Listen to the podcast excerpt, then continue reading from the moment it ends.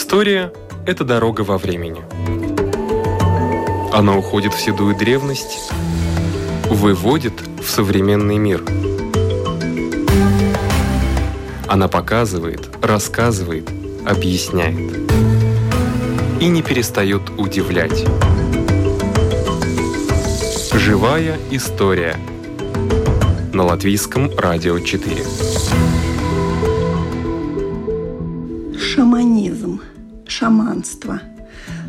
Древняя религия, в основании которой лежит вера в общение шамана с духами в состоянии транса. Так написано в Википедии. Но религия ли это – у нас в студии главный исследователь исследовательского отдела Музея истории и медицины имени Паула Страдания Мартинч Весперис. Так такие религии это? Или предлагают другие варианты? Мировоззрение, например, или религиозные практики? Как вы считаете? Шаманизм – это самая старейшая форма религии, скажем так. Антропологи это шаманизм считают как э, суеверие и ритуальные связи с миром духов который в себя включает анимизм. Это верование в том, что у всех есть душа. Угу. Душа камня, душа реки, душа горы, э, леса и так далее. Угу.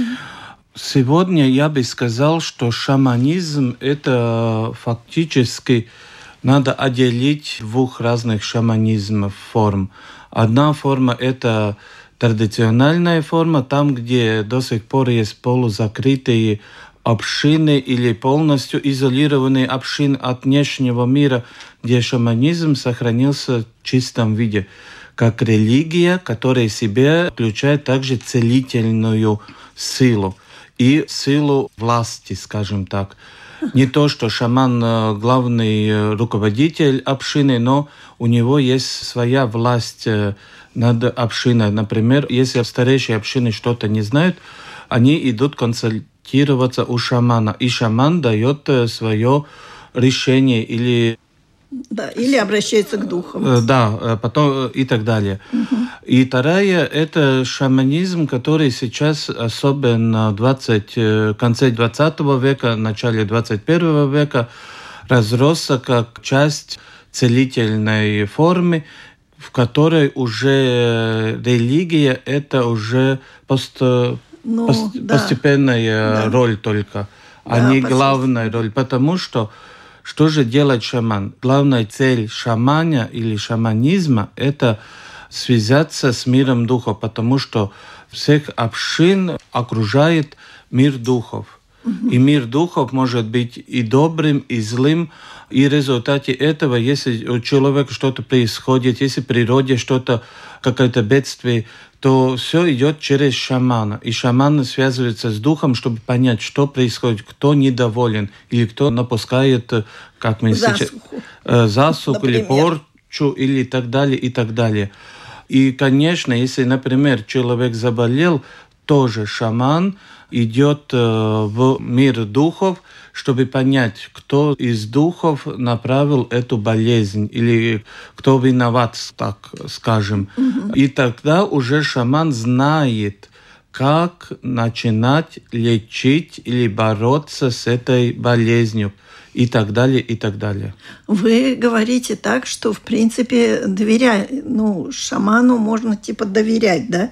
Но это же это прямо, прямо язычество абсолютное, нет? Ну, я бы сказал, это то же самое, Одно что и тоже. сейчас религия крестьянская или мусульманская или другие э, большие религии тоже есть люди, которые полностью доверяют своему священнику, и священник это тот, кто спрашивает Бога или богов о милостыне и так далее, и так далее. Я бы не сказал, что язычество это что-то плохое или вредное, или что-то такое как в XIX веке на вот шаманизмов или этих народов и племен mm-hmm. смотрели как э, таких отсталых общин. Но, в принципе, это не отсталые общины. И язычество это не отсталое, это просто одна из форм религии. И если человек в эту форму верит, то, в принципе, все равно, или это шаманизм, или это буддизм, или другая религия, главное, чтобы эта религия этому человеку помогло. А шаман, если ты не будешь верить э, своему этому религиозному лидеру, лидеру тогда, в принципе, значит, ты э, сомневаешься в эту религию, и это способ, чем он может помочь тебе. В принципе, это своего рода плацебо-эффект. То есть ты сам себя можешь вылечить. Если у тебя такое сильное самовнушение... Конечно, и это, надо сказать, происходит и в нашей религии. Тоже людям... Но э, есть люди, которые говорят, что Бог их исцелил и от рака и так далее, и так далее. Это, конечно, этот способ плацебо, надо сказать, он очень древний и очень действенный, мощный, действенный. действенный да. Когда появился шаманизм, ну, трудно сказать. Ну, говорят, антропологи, десятки, десятки тысячелетий. Даже антропологи называют. считают, что это, конечно, как вы сейчас назвали цифры более десятками тысяч лет назад, это может быть, потому что лечение и то, как мы познаем мир, это идет руку об руку, скажем так. Потому что человек всегда хотел понять, почему, что, кто, и таким образом и сформировался весь этот мир духов, который создал этот мир и который может и навредить нам. Если что-то происходит бедствие, мы, можем, мы все время хотим понять, почему, откуда это бедствие. И потом мы э, находим это решение. У шаманов даже есть несколько способов лечения больных. Один из них – это когда они как бы забирают болезнь этого больного, чувствуют свою боль, убегают на 100 метров от этого и потом отдают эту боль, как бы куда-то там раздают ну, эту боль. Надо сказать, что э, если мы говорим э, в общем о шаманизме, как в общем мире, то можно сказать так, что у всех шаманов есть свой ритуал – созданный ритуал, по которому он действует, который э, он э, использует. Этот ритуал может быть через какие-то слова, это может через песни, через какие-то звуки. Бубен. Че, да, звуки, часто. через звуки, бубен, э, через топтывание земли, через какие крики и многое-многое другое. Но надо помнить и то, что мы должны шаманизм также смотреть регионально так как э, в каждом регионе есть свой природное окружение. Э, например, э, дерево коки никогда не будет в Северной Европе или там в Австралии. Это будет только Южная Америка и так далее, и так далее. И, конечно, тогда мы можем говорить, что шаман для своих ритуалов использует природные материалы или минералы, или животный мир, или растения – он использует то, что ему, э, ну, что да, он может что, добыть. Да. И надо сказать, что свои знания таким образом он передает. И то, что вы сейчас сказали, да, это может использовать вот ваш э, сказанный вариант может использовать, возможно, в Австралии, может, Южной Америке, может, э, в Азии да. или на территории России, но в то же время они могут быть, развелись как отдельно также. Потому что ну, это то же самое, что мы делаем, например, когда мы живем в своем, э, ну, скажем, мире или поселении, мы э, начинаем изучать этот мир. И если что-то нам пригодится, мы начинаем его использовать. И используем так, как не, нам кажется. Если это способ действенный, мы так будем и делать. Но тоже э, момент, такой же мысль может вырабатывать и другой человек в другом конце Земли только с другим растением или с другим э, веществом и mm-hmm. так далее. Ну, если учтем то, что несколько тысячелетий назад наркоза не было, а есть свидетельство, что тропанацию черепа проводили, и люди выживали, то, соответственно, надо верить, что все-таки они в транс впадали и могли эту, эту боль пережить. Здесь надо говорить, я согласен с вами, но с другой стороны, здесь мы должны говорить совсем о другом вещи. Например, степень боли человека. Это не а, степень, это барьер, который может ну, вытерпеть. Барьер... Э, э, болевой порог. Болевой порог. Э, также э, можем говорить о том, что в то время, я думаю, конечно, что могли использовать разные вещества, чтобы человек ну, с наркотическими или какими-то другими вещами, чтобы человек не чувствовал эту боль столько.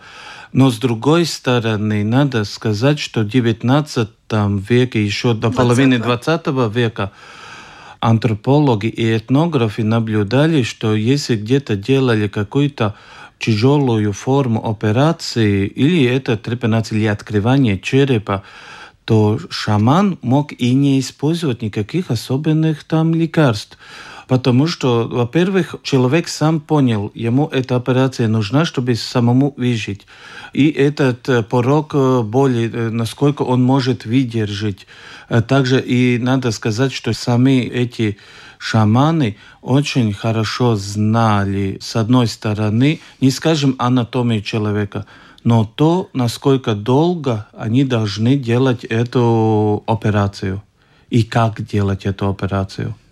То есть шаманы не только ходили с бубном и кричали не своими голосами вокруг больного, но и делали операции, да? Конечно. Это потому, что даже, ну, скажем так, открывание черепа, там есть разные э, смыслы. Считается, что один из смыслов это, конечно, операция, если человек получил тяжелую травму, и надо делать открывание, чтобы, когда мозг опухает, чтобы жидкость вышла, чтобы не было катастрофы. Да. Второе, считается, что могло быть, что у самих шаманов делали открывание черепа, чтобы дух мог выйти который селился, потому что здесь есть это считание, есть злой дух или дух вообще в твое тело, он должен выйти. И может быть, что он не может выйти. Значит, надо ему дать отверстие, скажем, чтобы он мог выйти.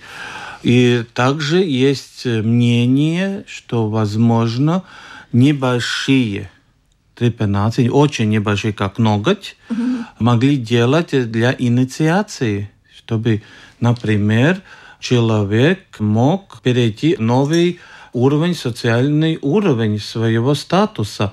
Я не говорю там, чтобы он стал там э, вождем племени, но чтобы он э, как бы перешел в другой уровень, потому что надо и запомнить одну вещь, что в каждых племенах мы все время переходим от одного уровня другой уровень. Да. Наша цивилизация у нас есть очень просто. Ребенок рождается, новогодний ребенок, тогда маленький ребенок, тогда школьный возраст, подросток и уже взрослый. А у племен это может быть гораздо больше э, деления уровней. Конечно, грудной ребенок, потом есть маленький ребенок, тогда уже, когда он уже умеет ходить и говорить уже другой уровень, и каждый уровень, он переходит так называемую инициацию, и так и взрослыми. Они все время переходят в новый статус. И кульминация этого статуса может быть, когда они не становятся старейшинами общины. Старейшина общины это не считается, что это может быть только какие-то три человека, это может быть старики, потому что они все знающие. Старейшины с опытом, э, да. И не только мужчины, может быть и женщин, потому что каждой даже группы тоже и у женщин, и у мужчин есть свои знания, которые они передают только своей ну, группе лиц, своей да. группе лиц и так далее, и так далее. Шаман в эту группу, надо сказать, с одной стороны, не входит. Он находится как бы Вне. От, э, отделение, отделение от этих групп. Но с другой стороны, он очень связан с этими группами. Да, но шаманами, говорят, рождаются. Даже существует такое понятие, как шаманская болезнь. Э, да, но считается, что вообще, если мы немножко отходим от шаманства и переходим народное целительство, то тоже считается, что некоторые люди могут унаследовать свои целительные силы от бабушек, от дедушек и так далее. И, да. и знакарей, да. И я э, могу согласиться, что это может быть, но с другой стороны, надо сказать, что хоть ты, может, и рождайся этой силой, но ты свою силу должен все равно обозна... Э, ну, обозначить, обозначить почувствовать. И, почувствовать и научиться использовать. Да. Потому и в результате этого шаманов э, ты как бы начинаешь стать учеником уже в раннем возрасте и можешь быть учеником ему до, до своих 20-30 лет. Потому что, чтобы передать все знания, шаману, это происходит очень долгое время, потому что многие вещи передаются только когда надо использовать их. Конечно, есть вещи, которые шаман передаст, даже если он сам никогда эту вещь не использовал. Ну, например, возможно, трепанацию черепа. Да. Или так далее, и так далее. И еще очень важно знать, что шаманы могут быть и женщины, и мужчины. Здесь, в принципе, мы можем говорить о самих общинах, чем они больше связаны с так называемым материнским или мужским принципом жизни, скажем так. Uh-huh.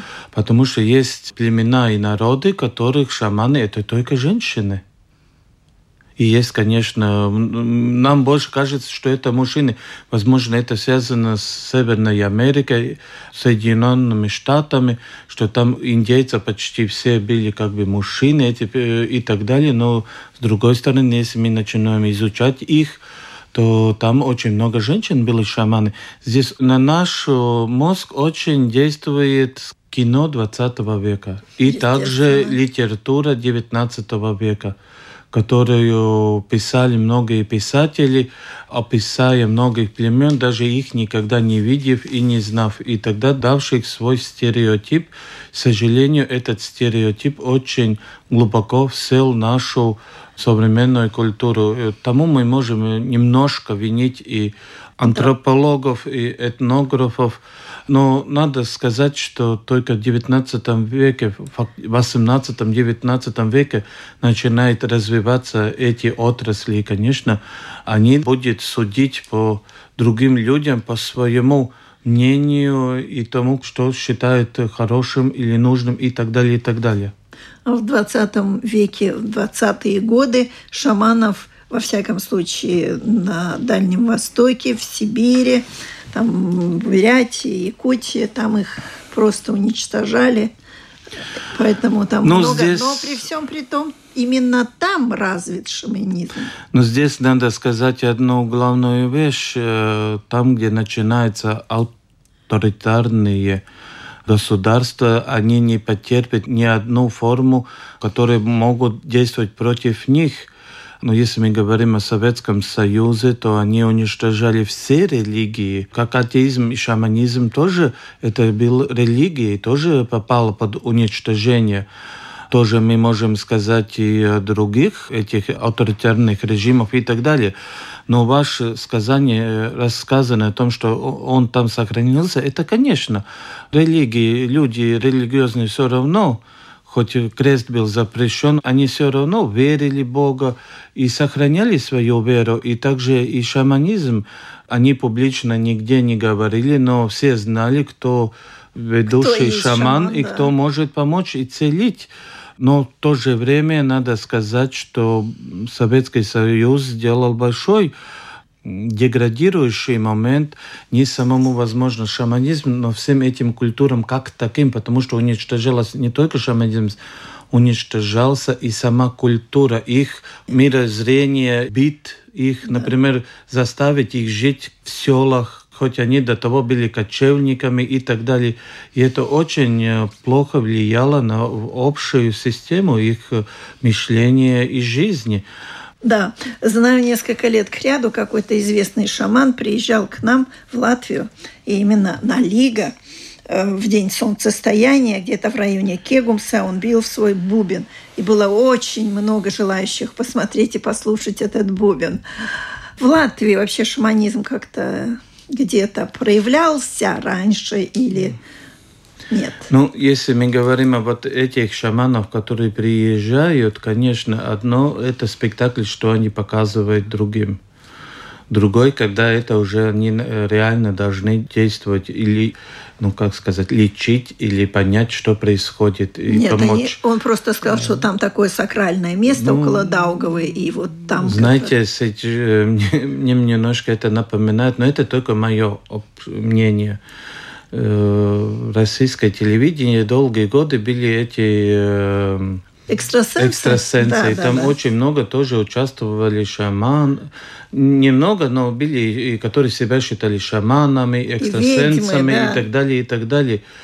часть из них, я бы сказал, сказать, хотел бы сказать, что это, ну, как спектакль созданный, где, ну, трудно сказать, есть ли у них эта сила или нет, потому что если мы смотрим, например, народной медицине, знакари, то реально знакари свои знания другим не показывали. Они только свои знания используют только тот момент, когда они должны были использовать. Они просто так на зрелище для всех и так далее.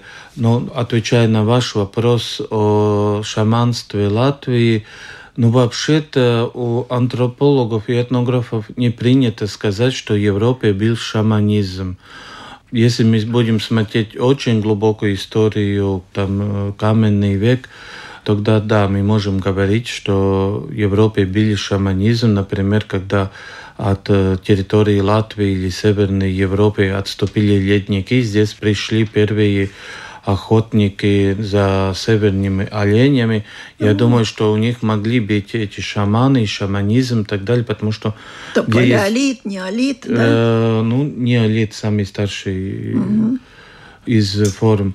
Но позже мы уже когда здесь начинают формироваться цивилизации, культуры разные, тогда уже говорят, что есть целители или скажем так, религии, религиозные э, лидеры, которые умеют и целить. Потому что если мы смотрим о первых цивилизациях, Месопотамии, Древний Египет, потом уже ну, о европейской культуре, там Древней Греции, там знакари были духовными руководителями храмов.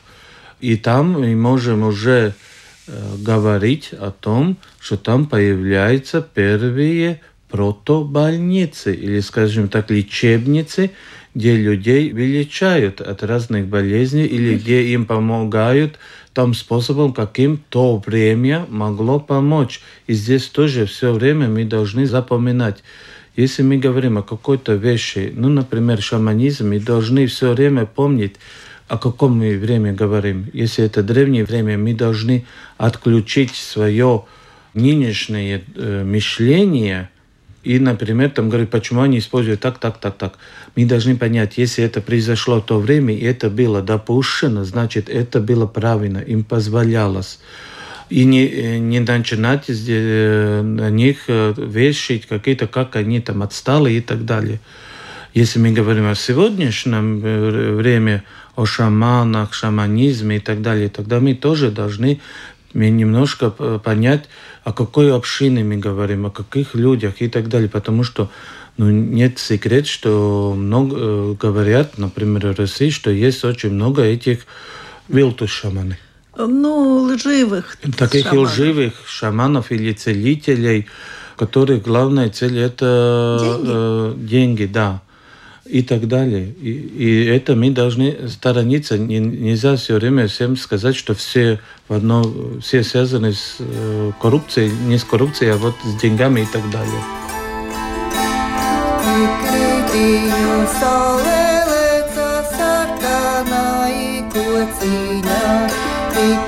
meklēdam,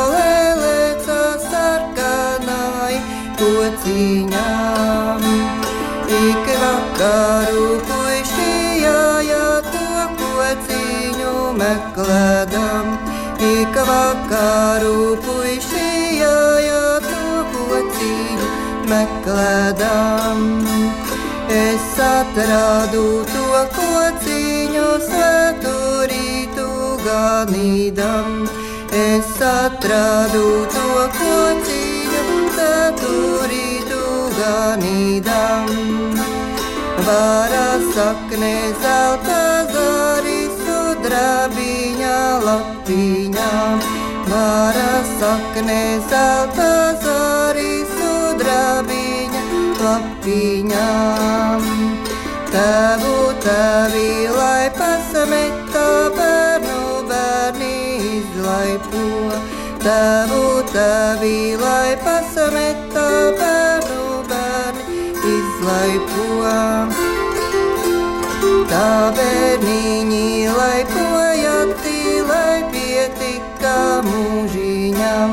Tā bērniņi laipoja, tīlai pietika mūžiņam. Ну, хотя в Европе, вот как вы говорите, шаманизм был только там несколько тысячелетий назад, а в нашем музее, музее истории медицины имени Паула Страдыня, есть ли какие-то свидетельства шаманов? Да, у нас есть уникальная коллекция, которая музей получил начало 80-х годов 20-го столетия из России, из Ямалы, принадлежал немцам, народу немцев. Шаман ушел из жизни, и его семья решила, что у них это больше не нужно. И все вещи этого шамана были отданы, дарены э, Музею медицины и истории Павла Страдания. В этой коллекции около до 100 единиц разных вещей. Это одежды, одежды из э, кожи северного оленя, также разные платки, тканые платки и так далее. Главным образом эти вещи из 20 столетия, но также там есть и бубни, ритуальные амулеты, разная посуда, также так называемые ритуальные куколки, специальные деревянные сделанные такие куколки, которых э, одевали особых одеждах, у них было даже свое название, и э, эти куколки, э, их клали так называемые семейные алтари, и их подсчитали, потому что считалось, что каждая куколка это связано с каким-то ушедшим человеком или с духом, что дух умершего человека селится в эту фигуру, и потом он будет помогать живым. И э, таких, несколько вот таких фигурок и многие другие вот эти вещи связаны. Почему семья решила подарить музею, а не сжечь, как когда-то было принято, если шаман уходит из жизни, их, из жизни их вещи, никто не принимает его отрасль, его ну, да. Э, то да, было принято, что все это сжигается или погребли вместе с, э, с человеком. Да. Это я не могу сказать. Но это уникальная коллекция, скажем так. Прикоснуться к этому, конечно, интересно. У вас это выставляется или это в запасниках? А, у нас оно было выставлено, но сейчас у нас на первом э, уровне будет, идет реконструкция, и сейчас они находятся в фондах.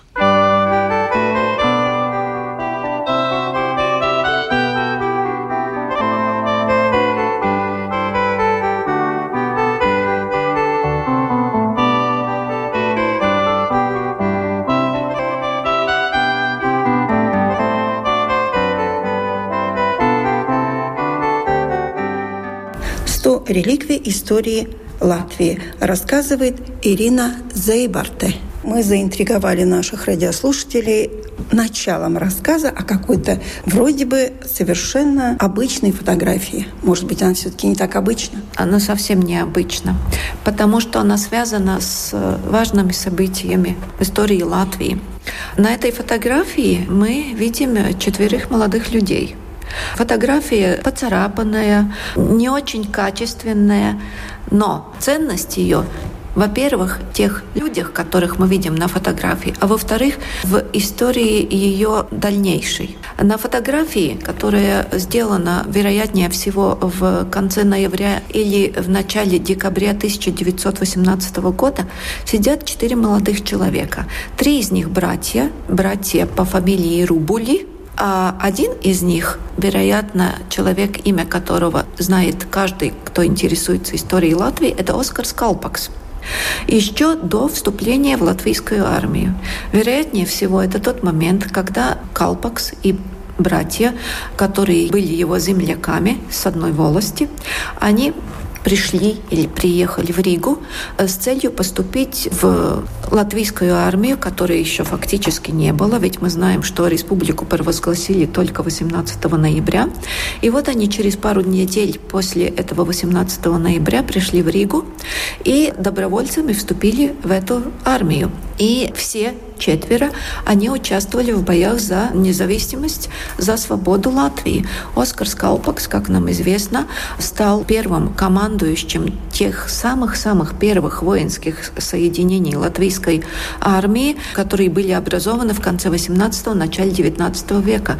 С именем Оскара Калпакса связаны самые первые месяцы существования этой армии до 6 марта 1919 года, когда при до сих пор таких довольно таинственных обстоятельствах, неясных, Оскар Скалпакс в перестрелке погиб. На И, поле боя? Да, на поле боя.